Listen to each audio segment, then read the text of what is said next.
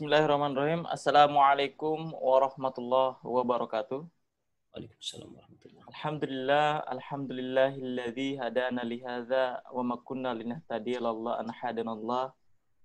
Asyhadu an la ilaha illallah wahdahu la syarikalah wa asyhadu anna Muhammadan abduhu wa rasuluhu la nabiyya ba'dah. Pemirsa Khilafah Channel yang insya Allah dirahmati Allah Subhanahu wa taala. Alhamdulillah ya. Kembali lagi kita bersua dalam kajian online bersama Khilafah Channel. Dan seperti biasa pada malam Jumat atau hari Kamis pukul 20.00 malam hari ini, kita berjumpa dalam sesi kajian kitab Sirah Nabawiyah yang uh, seperti biasa kita menggunakan kitab uh, yang ditulis langsung oleh Syekh Taqiyuddin Nanabahani yaitu kitab Ad-Daulah Al-Islamiyah.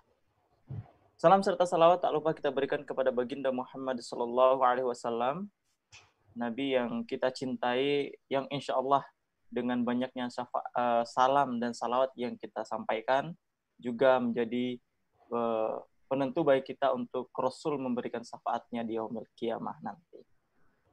Alhamdulillah seperti yang saya katakan tadi bahwa malam hari ini kita akan melanjutkan kajian kita yaitu uh, kajian Sirah Nabawiyah yang uh, kita bersumber dari kitab uh, Ad-Daul al-Islamiyah melanjutkan kajian kita yang bab uh, pekan lalu yaitu Tafa'ulud dakwah atau interaksi dakwah edisi kedua. Ya karena pekan lalu kita belum uh, menghabiskan bab ini.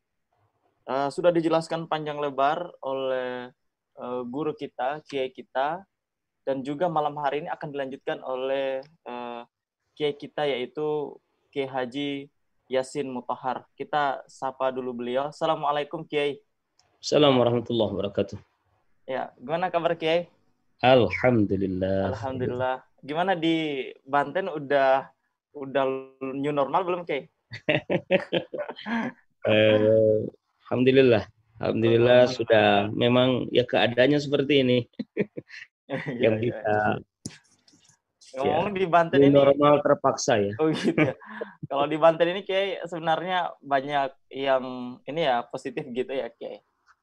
Banyak juga. Eh, terakhir ini kita eh, tetangga pesantren sekitar berapa kilo ya? Dua, tiga kilo dari pondok kita ini ada satu pesantren yang di situ eh, ustadznya salah seorang pengajarnya positif corona. Sekarang sedang di mohon doanya mudah-mudahan di pesantren kami di Al Abqari insya Allah dijauhkan dari hal-hal yang tidak diinginkan.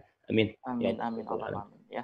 Semoga pesantren Abu Qori terus terjaga dari dampak virus yang sampai saat ini belum kelihatan ujungnya gitu ya. Hmm. Ini bagian dari cobaan dari Allah Subhanahu wa taala. Eh, juga bagian dari rahmat ya.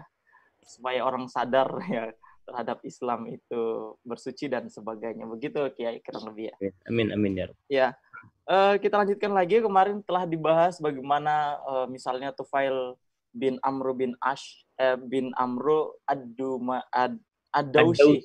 Ya, pada saat itu datang ketemu ingin bertemu dengan Rasulullah SAW kemudian dicegah oleh orang-orang Quraisy. Namun dan akhirnya karena kemuliaan dari lelaki ini ketemu juga dengan Rasul dan eh, pada akhirnya beliau masuk Islam. Ya. Kemudian disusul dengan eh, 20 orang laki-laki Nasrani yang juga mendengar kabar Hmm. terkait datangnya seorang Rasul, Hmm. juga bertemu dengan Rasul dan akhirnya juga masuk Islam. Masya Allah. Dan insya Allah malam hari ini kita akan lanjutkan bagaimana kelanjutan keseruannya. Ini kayak film aja nih Kiai. Netflix. Iya. Iya, Allah, insya Allah. Eh, silakan Kiai, tak perlu lama-lama kita lanjutkan kajian kita tentang uh, Sirah Nabawiyah, kitab Ad-Daul al-Islamiyah bab interaksi dakwah edisi kedua. Silakan Kiai. Bismillah. Assalamualaikum warahmatullahi wabarakatuh.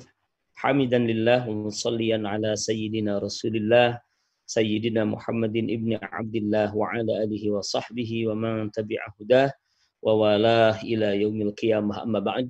Qala ta'ala ولم يزل قائلا عليما أعوذ بالله السميع العليم من الشيطان الرجيم Bismillahirrahmanirrahim. Innalladzina qalu rabbuna Allahu thumma istaqamu tatanazzalu alaihimul malaikatu alla takhafu wa la tahzanu wa abshiru bil jannati allati kuntum tu'adun. Sadaqallahul azim. Allahumma arhamna bil Qur'an. Ikhwani wa akhwati fillah kaum muslimin wal muslimah, para pemirsa Khilafah Channel rahimani wa rahimakumullah taala ajma'in. Alhamdulillah wa syukru ala ni'amillah. Kita semua bisa kembali melanjutkan uh, edisi Eh, keberapa ini dari Sirah Nabawiyah di Khilafah Channel dengan merujuk kepada kitab Ad-Daulah Al-Islamiyah.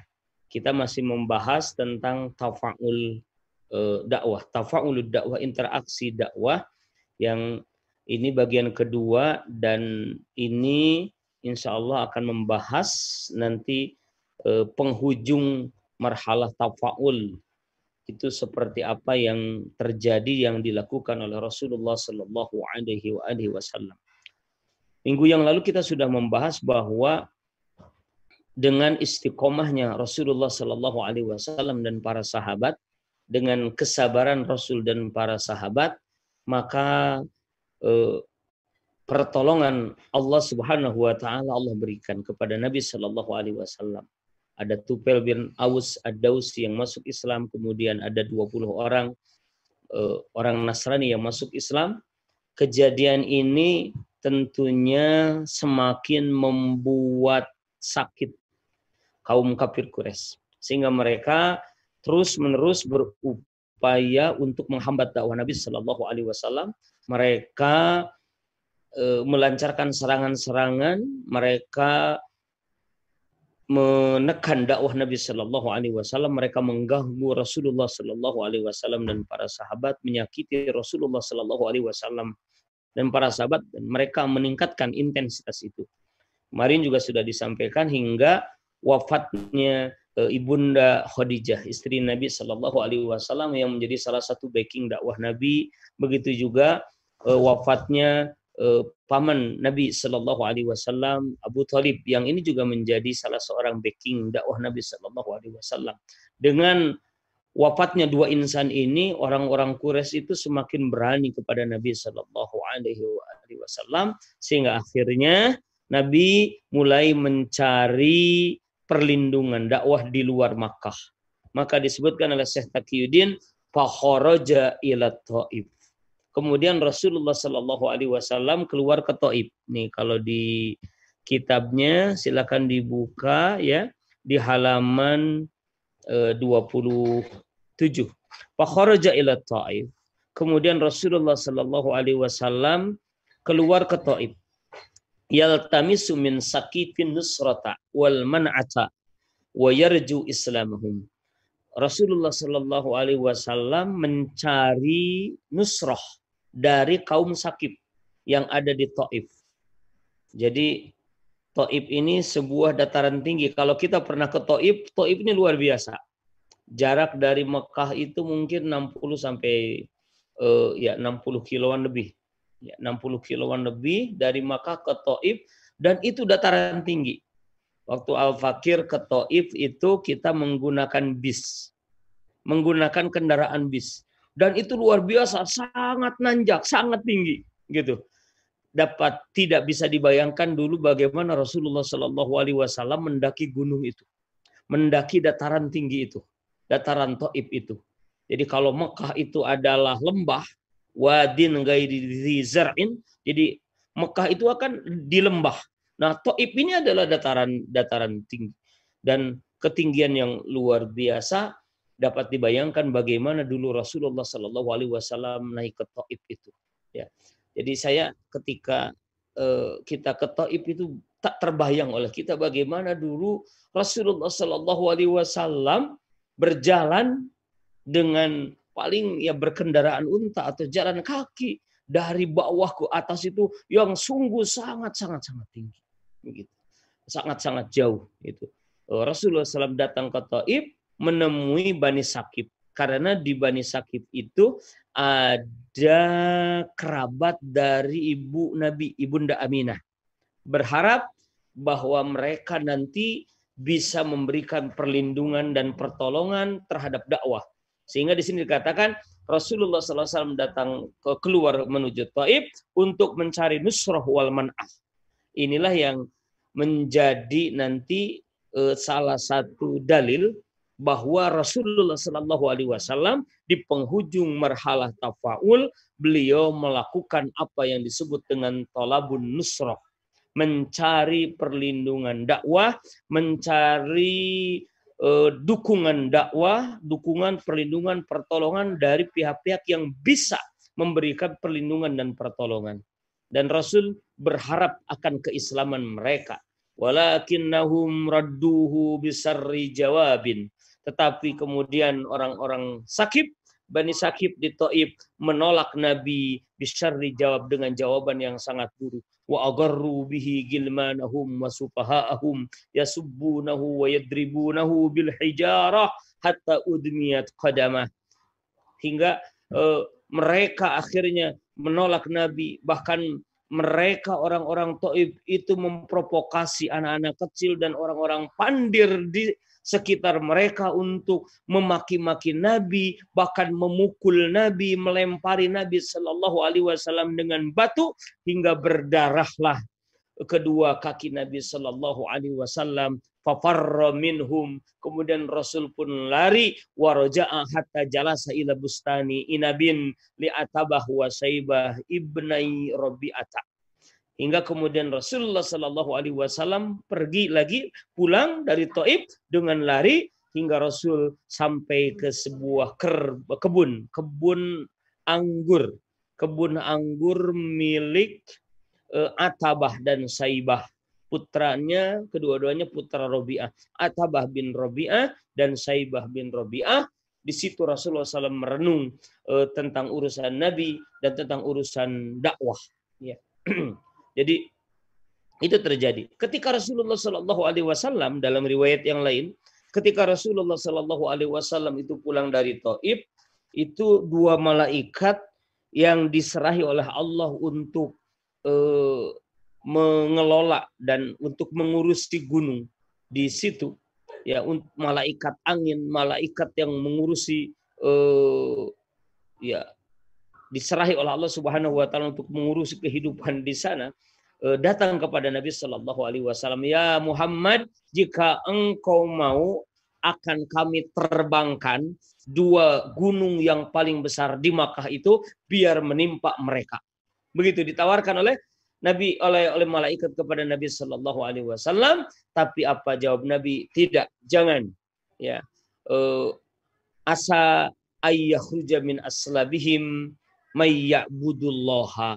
Aku berharap mudah-mudahan kalau sekarang orang tuanya tidak beribadah, tidak menyambut dakwah, aku berharap nanti anak cucu mereka dari tulang uh, rusuk mereka itu akan lahir orang-orang yang beribadah kepada Allah Subhanahu wa taala. Jadi dalam riwayat lain katakan Rasul ketika diminta akan ditawari agar malaikat uh, malaikat untuk menimpakan dua gunung terbesar di Makkah untuk ditimpakan kepada kaum Taib, kepada kaum Sakib di Taib, Rasulullah Shallallahu Alaihi Wasallam berdoa, Allahumma di qaumi fa innahum la ya'lamun. Ya Allah, berikan petunjuk kepada kaumku fa innahum la ya'lamun. Sesungguhnya mereka itu tidak tahu. Nah, kemudian Rasulullah Shallallahu Alaihi Wasallam berada di kebun. Apa yang dilakukan Rasulullah SAW di kebun? Rasul merenung, berpikir dan Rasulullah Shallallahu Alaihi Wasallam saat itu memikirkan bagaimana jalan keluar. Bahwa la yastati ayyadkhula makata illa fi himayati al-musyrikin. Rasulullah tidak bisa kembali lagi ke Makkah kecuali ada orang yang bisa menjamin Nabi. Begitu juga bahwa la yastati ayyadhaba ila ta'ib Rasul tidak bisa kembali lagi pergi ke Taib. Ba'da malaku minal adha. Setelah mendapatkan gangguan, penindasan, eh, penolakan yang luar biasa dari penduduk Taib, walayab makanahu dan Rasul pun tidak bisa tetap berada di tempat itu. Li'annal bustan lurujal musyrikain. Karena kebun saat itu milik dua orang musyrik. Wastaddal karbu. Jadi Rasulullah SAW saat itu berada pada posisi yang sangat sulit. Semakin berat kebingungan Nabi Shallallahu Alaihi Wasallam pada saat itu. Jadi kalau bahasa kitanya ini mundur kena maju kena. Mau ke kembali ke, ke mau ke Mekah tidak bisa. Kecuali ada yang melindungi. Kembali ke Taib tidak bisa juga. Teruskan ke Taib tidak bisa karena sudah diusir. Tetap berada di kebun itu tidak bisa juga. Tidak bisa berlama-lama karena kebun itu milik orang musyrik. Jadi ini luar biasa. Posisi Rasulullah Shallallahu Alaihi Wasallam ini ketika di kebun milik uh, Utbah dan uh, Saibah bin Rabi'ah ini persis seperti posisi Nabi Musa alaihissalam saat dikejar oleh Firaun. Di belakang Nabi Musa ada Firaun dan bala tentaranya, di depan ada laut merah. Apa yang terjadi? Nabi Musa sampai pada kondisi pada kondisi mentok, mundur kena, maju kena. Apa yang dilakukan oleh Nabi Musa saat itu? Nabi Musa berdoa, wa ufawwidu amri ilallah, innallah bil ibad. Aku serahkan urusanku kepada Allah. Sesungguhnya Allah maha melihat terhadap keadaan hambanya. Ini juga lah, ini juga lah yang juga dilakukan oleh Nabi Sallallahu Alaihi Wasallam. Maka disebutkan oleh Syekh Taqiyuddin An-Nabani rahimahullah farafa'a ra'sahu ila sama. Di saat kondisi sulit ini Rasul mengangkat kepalanya menuju langit. Berdoa maksudnya yasku ilallah. Rasul mengadukan urusannya kepada Allah bi asadi halatin minal alam. Dalam keadaan sakit yang sangat luar biasa menimpa Nabi. Jadi sesek dan sangat bingung susah wa a'zami halin minasikabillah. Tetapi meski demikian, Rasul sangat percaya, sangat yakin kepada Allah. Rasul memohon pertolongan Allah, memohon ridho Allah. Rasulullah kemudian berdoa dengan doa yang masyhur. Jadi kalau doa Nabi Musa saat kepepet adalah wa ufawwidu amri ilallah innallaha basirum bil ibad. Kalau doa Nabi Ibrahim alaihissalam pada saat kepepet adalah hasbunallah wa ni'mal wakil ni'mal maula wa ni'man nasir. Kalau doa Nabi Yunus saat kepepet, saat berada di perut ikan adalah la ilaha illa anta subhanaka inni kuntu minal walimin. Kalau doa Nabi uh, apa? Uh, Nabi Ayub pada saat beliau sedang bingung, sedang susah karena penyakitnya, beliau berdoa, Anni masaniya durru wa anta arhamur rahimin.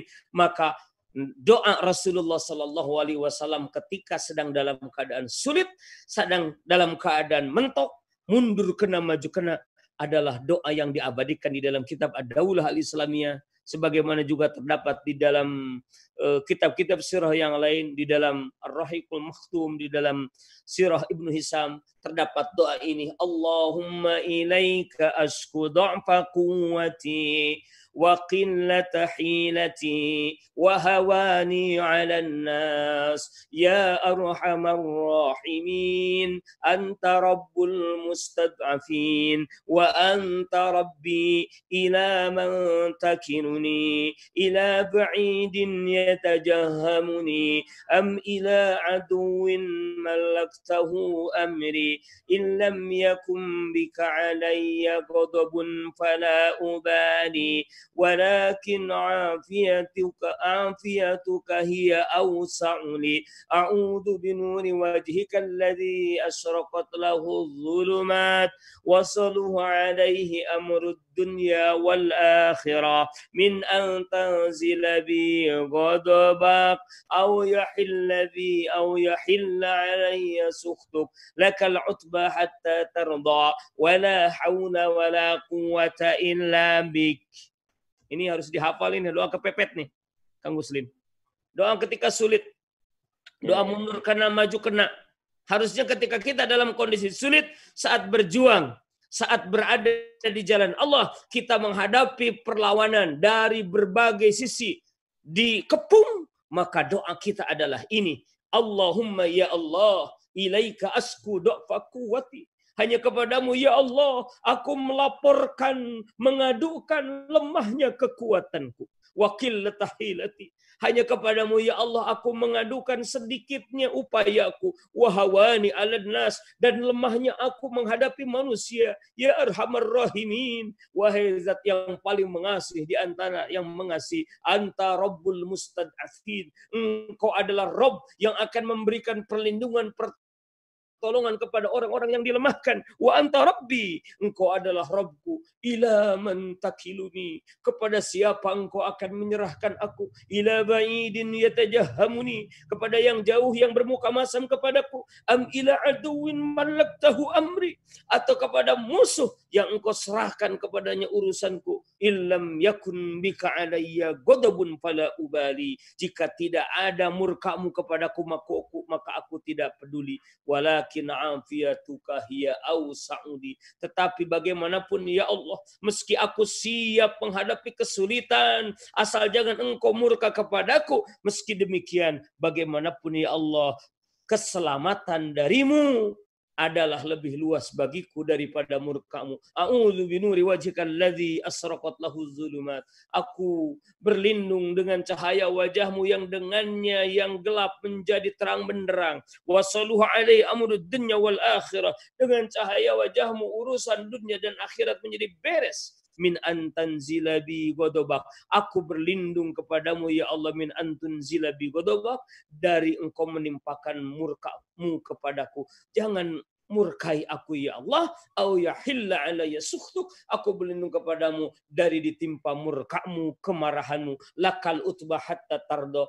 Hanya padamu ya Allah kami serahkan akibat yang baik dari urusan kami ini hingga engkau ridho. Wala haula wala quwata illa bik. Tidak ada daya tidak ada upaya kecuali dengan pertolonganmu. Ini luar biasa. Doa ini sangat dahsyat.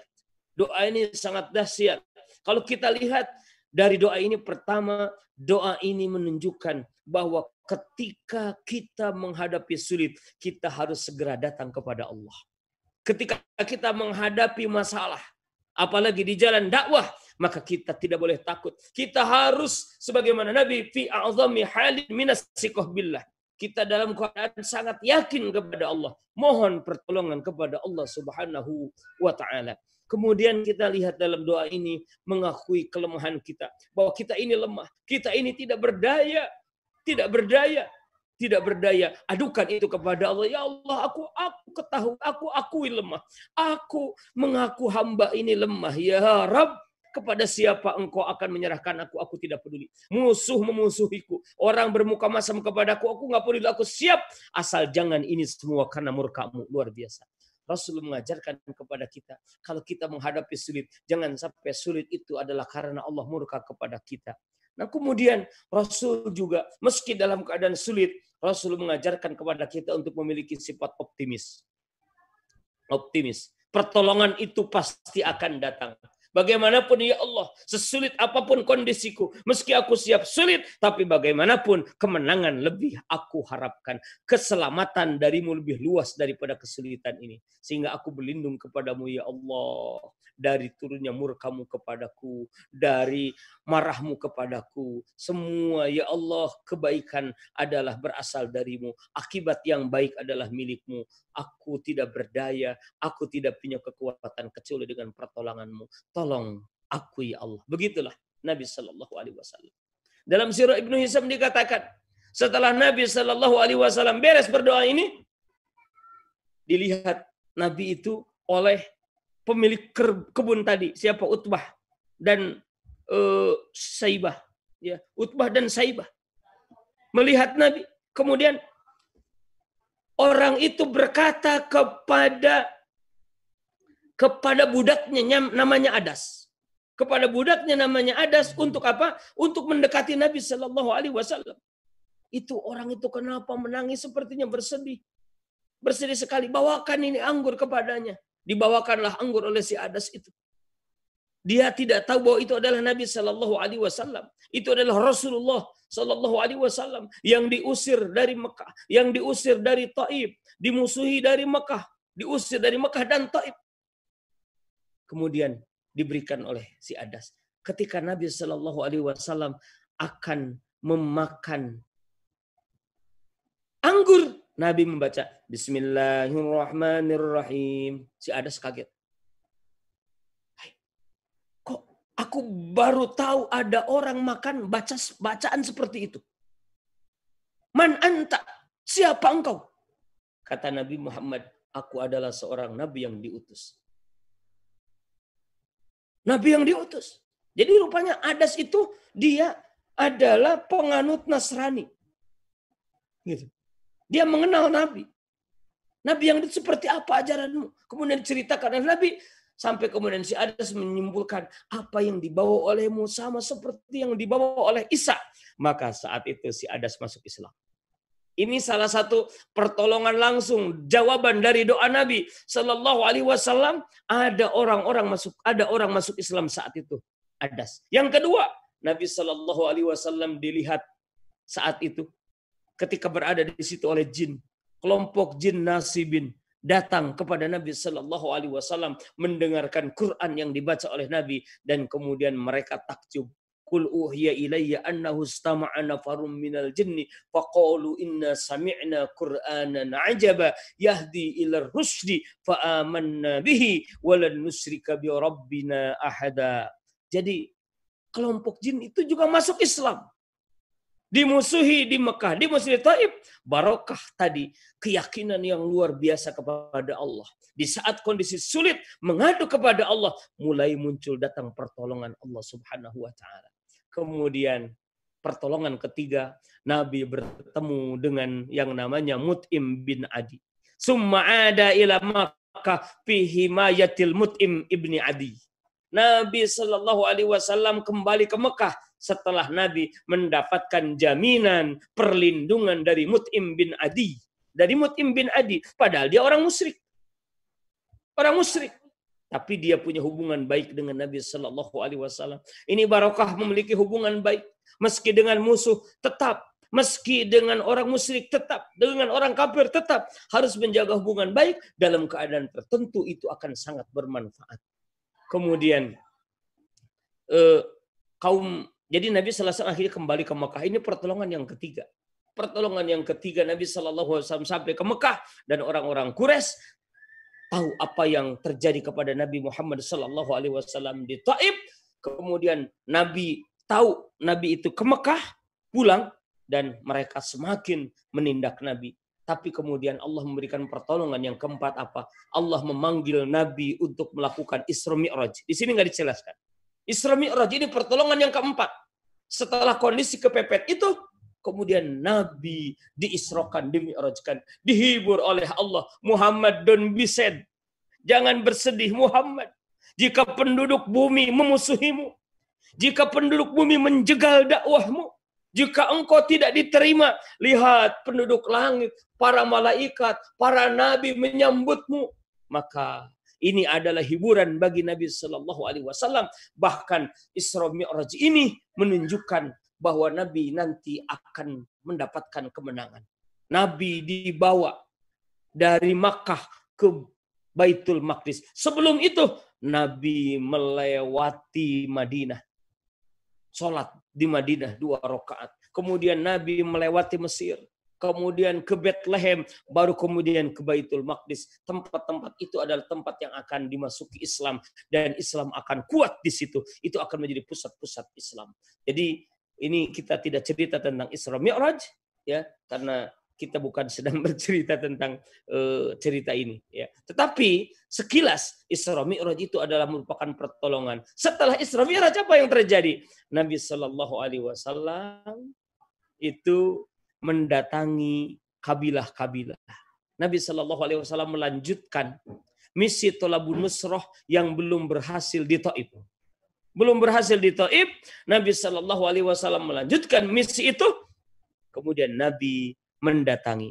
Di sini dikatakan ya eh, fajdadat adat adan lahu wasaddadat nakir alaih. Orang-orang Quraisy semakin memusuhi Nabi Shallallahu alaihi wasallam. Mereka melarang orang-orang untuk mendengarkan Nabi. Nabi diboikot. Orang-orang dilarang untuk mendengarkan Quran. La tasma'u li hadzal Quran wal ghawfi la'allakum taglibun. Begitu kata mereka. Jangan dengarkan Quran ini. Wal gaufi tinggalkan Quran. Ta'allakum taglibun agar kalian menang. Mereka semakin menindas Nabi tapi falam yusribhu zalika anid dakwah lidinillah. Ini catatan penting.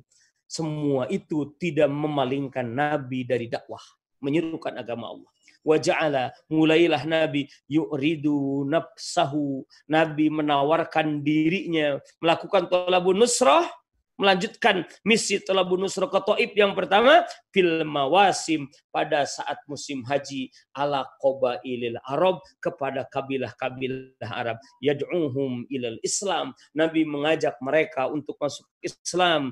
Wa yukhbiruhum annahu mursal. Nabi memberitahukan kepada mereka bahwa dia beliau adalah nabi yang diutus. Kemudian mereka Nabi meminta mereka untuk meyakinkan meyakini Nabi mempercayai Nabi. Nah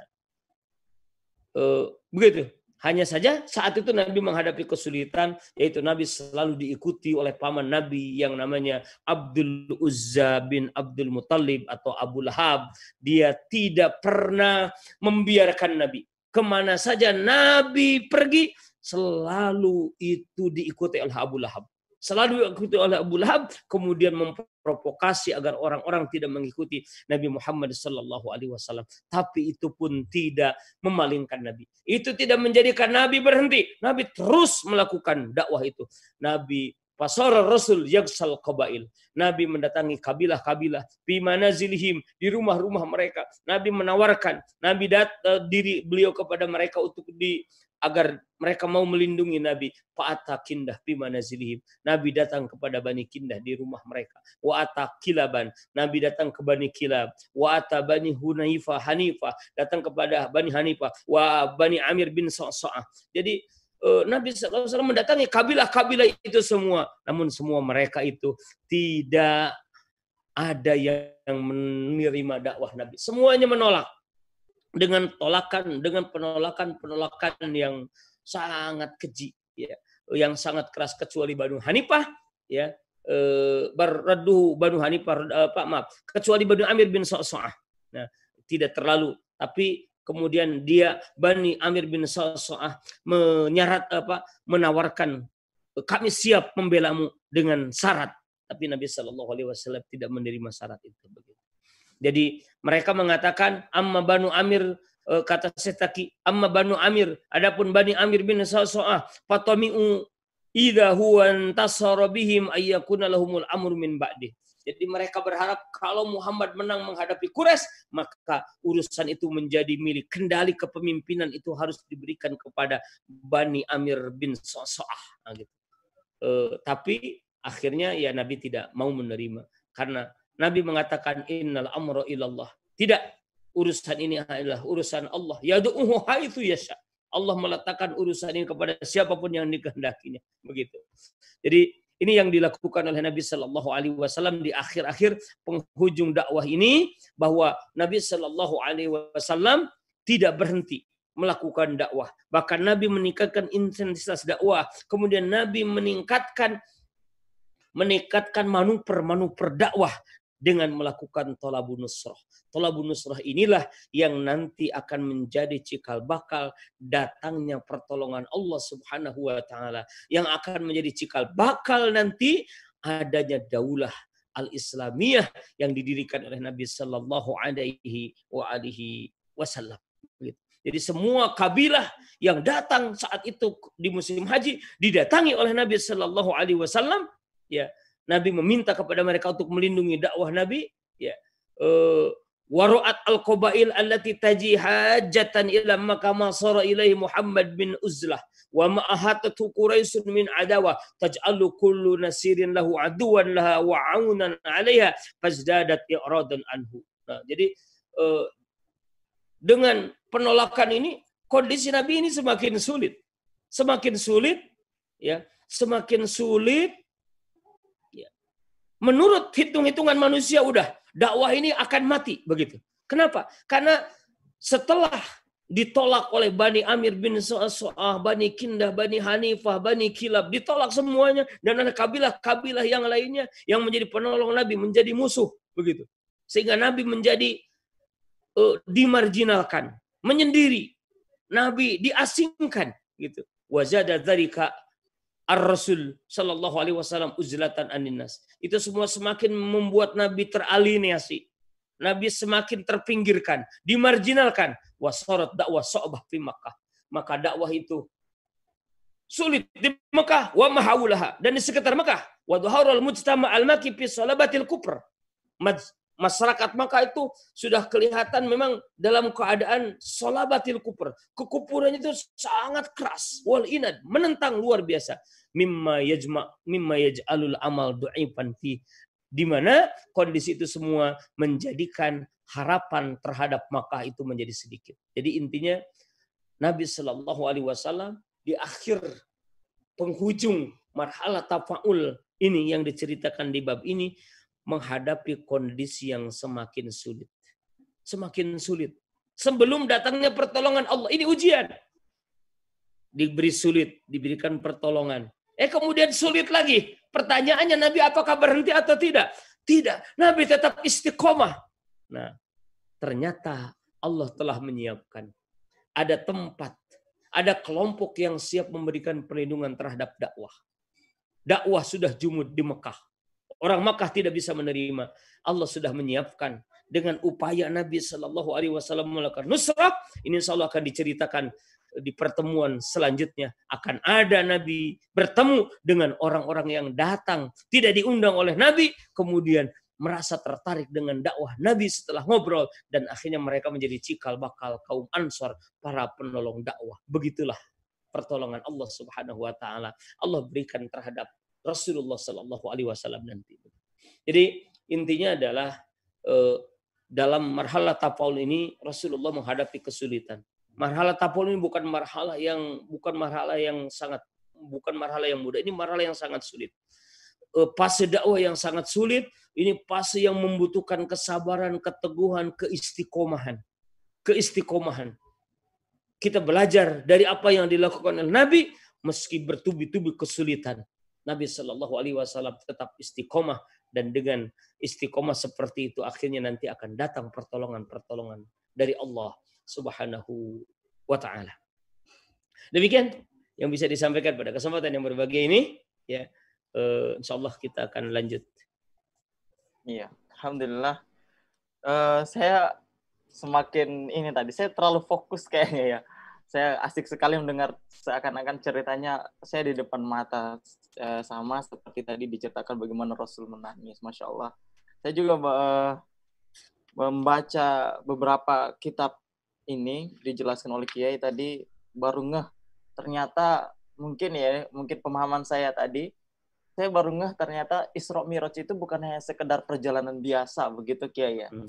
Tapi yeah. ternyata itu bagian dari salah satu cara Allah menghibur Rasulnya gitu Betul. itu dijelaskan bagaimana itu kan kalau di kampung-kampung saya tuh dijelaskan si Miraj itu hanya sekedar perjalanan menerima wahyu, uh, wahyu tentang sholat dan sebagainya. Hmm. Ternyata ada juga di balik itu. Begitu kayak ya? Apakah memang yeah. ada sisi uh, yang lain misalnya selain menerima kewajiban sholat ternyata Betul. di situ ada ada aspek politik ada aspek dari, politiknya begitu ya dari Isra dan Mi'raj. Iya gitu ya. Yeah. Iya, alhamdulillah.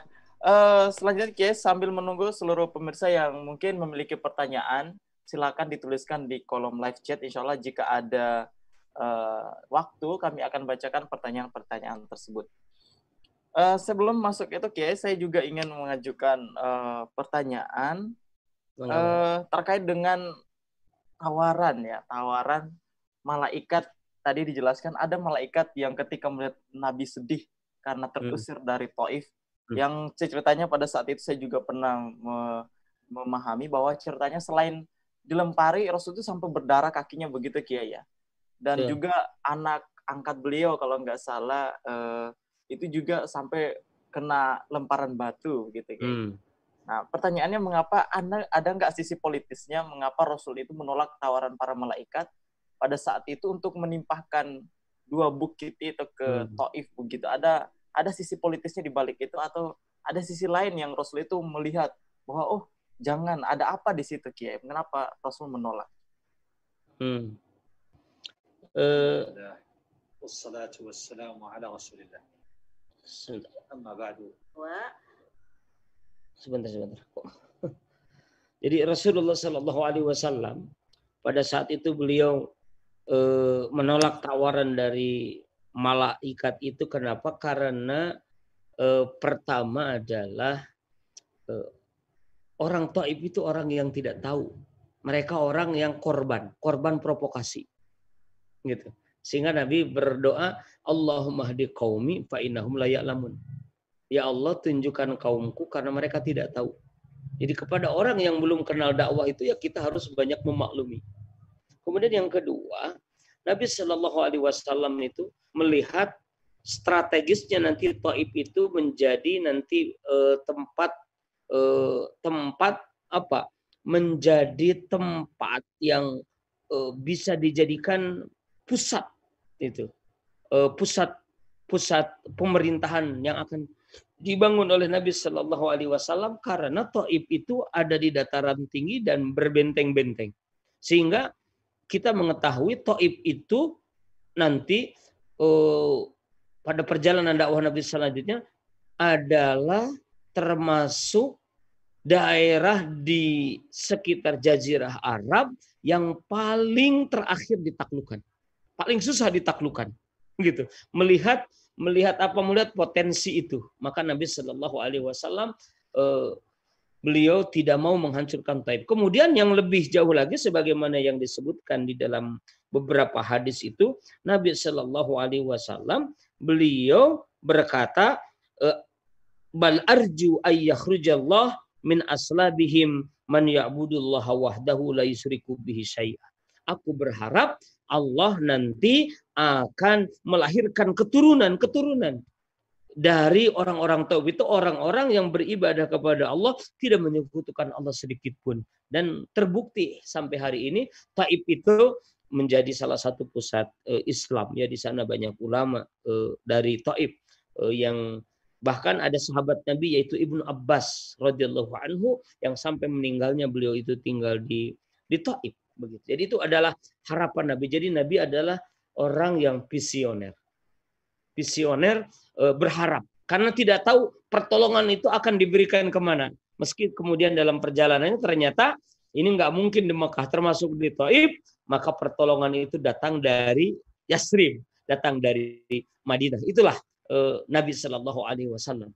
Dalam hadis dikatakan juga, aku ini tidak diutus untuk melaknat. Aku tidak diutus untuk memberikan siksa. Aku diutus uh, dalam keadaan membawa rahmat. Tetapi yang patut dicatat oleh kita bahwa bukan berarti Nabi itu tidak tegas menghadapi musuh. Karena dalam peristiwa yang lain, Nabi itu berdoa untuk kehancuran musuh. Kalau di Taib Nabi berdoa, Ya Allah, mudah-mudahan engkau keluarkan dari tulang rusuk mereka orang yang beribadah kepada Allah. Nanti orang yang berkata la ilaha illallah Muhammadur Rasulullah.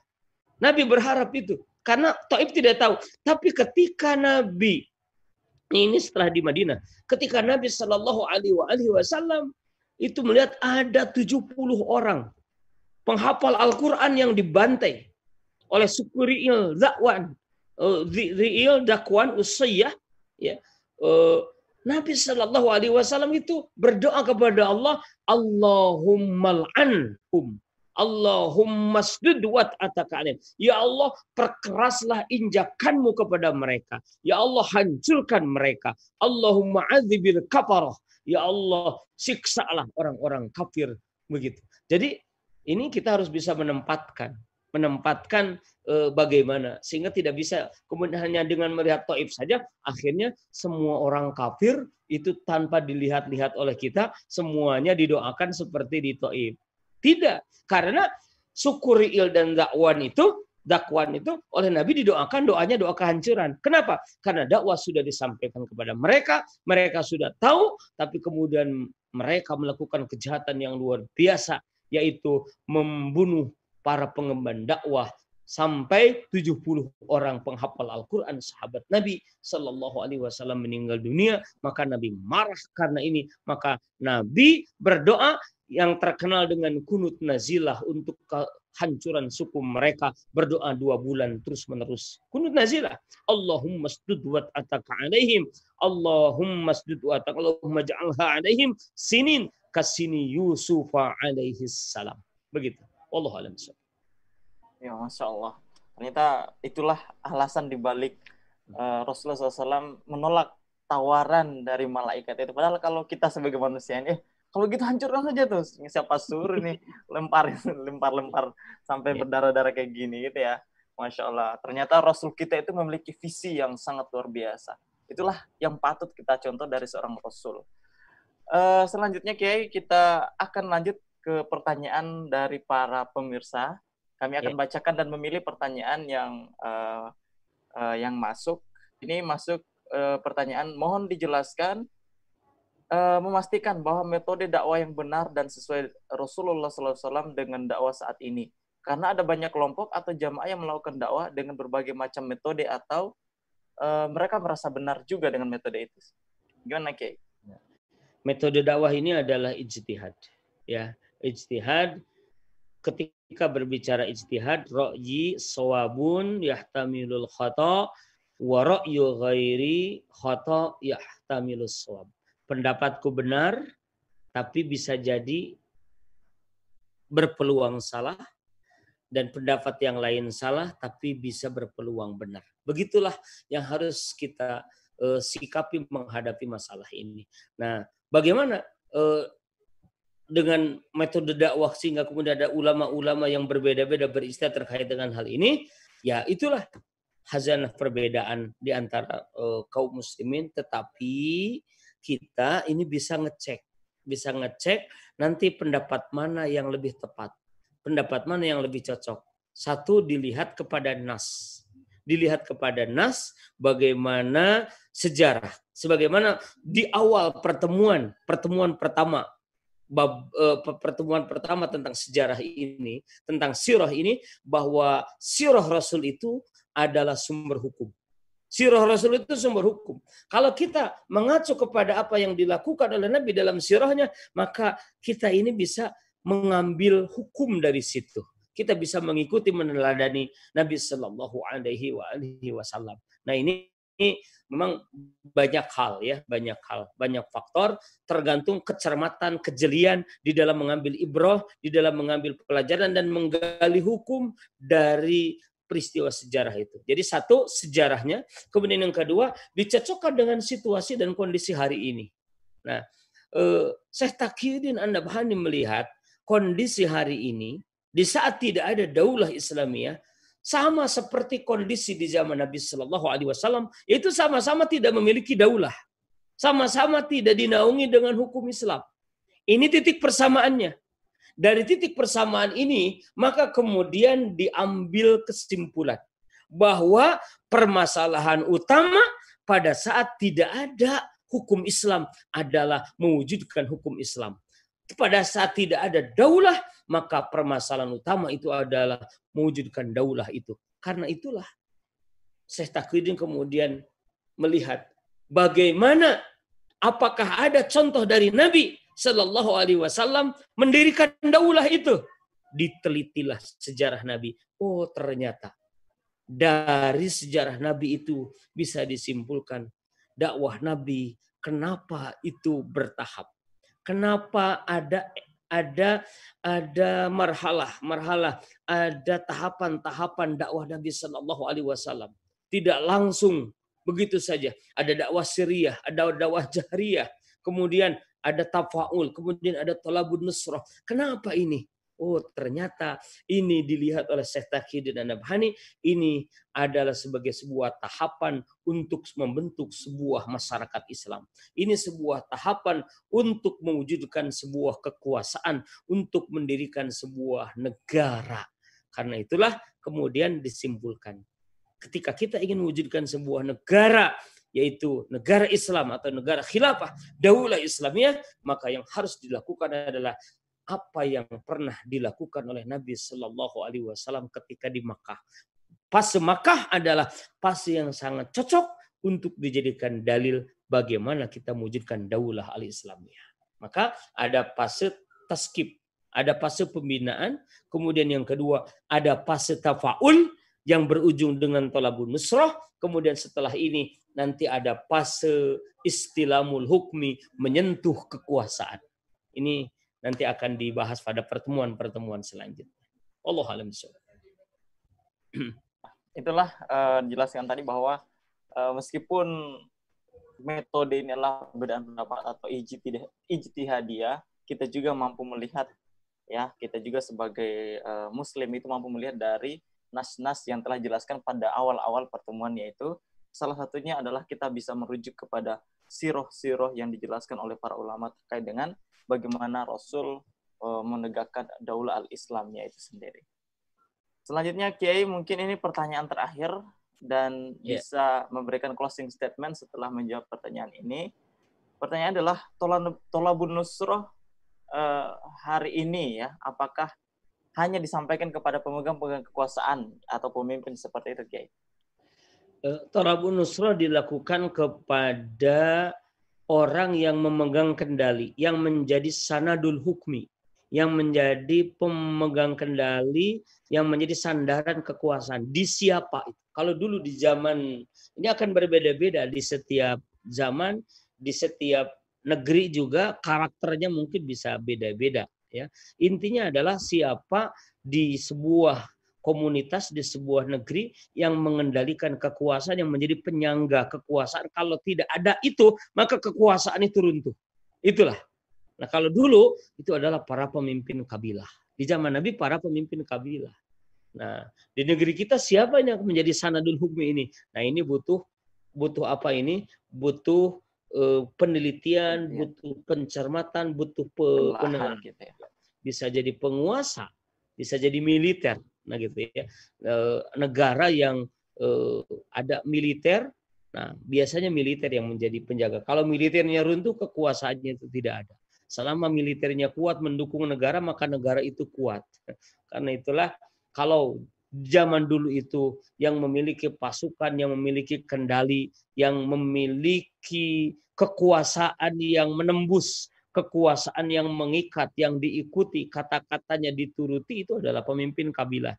Nah sekarang ini siapa nah, yang bisa uh, menjadi uh, pertahanan terakhir dari sebuah negara? Siapa itu? Nah, Wallahu alam. Ya nanti nanti bisa bisa nanti penguasa kemudian ya militer, militer, penguasa atau kedua-duanya antara militer dan penguasa itu kita bisa melakukan tolabun nusra. Sepertinya kalau zaman sekarang ya tidak seperti di zaman Nabi lagi ya, tidak uh, ditentukan oleh pemimpin kabilah karena sekarang pun seperti di Jazirah Arab kan sudah ada sebuah pemerintahan tersendiri yang berbeda dengan sistem kekabilahan di zaman Nabi Shallallahu Alaihi Wasallam. Intinya, tolabun nusrah ini diarahkan kepada pihak yang menjadi sanadul hukmi, yang menjadi sandaran kekuasaan. Cirinya adalah ketika pihak itu ada kekuasaan kuat, ketika pihak itu tidak ada, kelompok atau komunitas itu tidak ada, atau person itu tidak ada, tidak eh, maka kekuasaan itu pun akan hancur lebur begitu. Allah alam eh, terkait dengan kajian kita eh, malam ini bahwa itulah pembahasan terkait dengan tafaul ma'al ummah, tafaul dakwah, interaksi dakwah yang dilakukan oleh Nabi Shallallahu Alaihi Wasallam dan tafaul dakwah ini merupakan sebuah keniscayaan yang harus terjadi dalam setiap dakwah. Dakwah itu akan ada aksi dan reaksi ada aksi reaksi, aksi reaksi, aksi reaksi. Seperti itulah yang akan terjadi ketika dakwah itu bertemu dengan mad'u. Ketika dakwah dilontarkan yang hak itu disampaikan, maka pasti akan ada resistensi dari kebatilan. Dan dari para penggawa, dari para pemegang kebatilan. Pasti akan terjadi benturan. Sebuah benturan, sebuah sirok, sebuah pergulatan pemikiran. Pergulatan pemikiran, pertalungan pemikiran. Ini sesuatu yang pasti terjadi dalam sebuah dalam sebuah perhelatan dakwah. Dalam perhelatan dakwah ini Nah, ketika terjadi persinggungan ini, yang harus dilakukan oleh kita adalah sebagaimana dilakukan oleh Nabi yang terus-menerus Al-Fakir tekankan kita tetap istiqomah, kita tetap bersabar, kita tetap berpegang kepada mabda, kita berpegang kepada hak, insya Allah pertolongan itu nanti akan datang dengan sendirinya sebagaimana nanti diberikan kepada Rasulullah, sebagaimana diberikan kepada Rasulullah Sallallahu Alaihi Wasallam dan para sahabatnya. Demikian yang bisa disampaikan pada kesempatan yang berbahagia ini. Hadanallah wa iyyakum ajma'in. Wal minkum. Wassalamualaikum warahmatullahi wabarakatuh. Waalaikumsalam warahmatullahi wabarakatuh. Alhamdulillah uh, telah usai kajian kita malam hari ini dan juga menyelesaikan bab uh, tafa'ulud dakwah atau interaksi terhadap dakwah. Dan insya Allah kita akan lanjutkan lagi kajian kita uh, seputar sirah nabawiyah yang kita menggunakan malam hari ini sama. Kita akan lanjutkan dengan kitab yang sama yaitu kitab Ad-Daulah Al-Islamiyah pada pekan depan. Melanjutkan bab selanjutnya insya Allah. Dan nantikan terus uh, siaran atau kajian-kajian lain bersama Khilafah Channel. Tentunya setiap hari pukul 20.00 waktu Indonesia Barat. Kami ucapkan jazakallah khair kepada Kiai Haji Yasin Mutahar. Semoga ilmunya semakin berkah Kiai dan juga amin. selalu diberikan keberkahan dan kebaikan kepada kiai amin. Amin, ya dan keluarga. Amin. Allahumma amin. Kami juga ucapkan terima kasih kepada seluruh pemirsa yang senantiasa setia menemani Khilafah Channel dalam kajian-kajian online-nya. Dan jangan lupa like, comment, share, dan subscribe channel ini. Semoga menjadi kebaikan bagi kita semua dan pahala bagi kita semua. Terima kasih kami ucapkan. Walafiminkum. Wassalamualaikum warahmatullahi wabarakatuh. Waalaikumsalam warahmatullahi wabarakatuh. Menuntut ilmu agama adalah wajib bagi setiap muslim. Di zaman ini, kita dapat melakukannya kapan pun dan di mana pun. Meski masa pandemi sedang berlangsung, tetapi tak ada alasan untuk tidak menambah kapasitas diri dengan sakofa Islam. Khilafah Channel memfasilitasi Anda berjumpa dengan para guru yang mumpuni dalam rangka berbagi ilmu dan sakofa Islam agar Anda makin paham tentang syariat Islam dan terhindar dari gagal paham serta salah paham. Ikuti kajian online kami setiap hari pukul 20.00 waktu Indonesia Barat hanya di Khilafah Channel.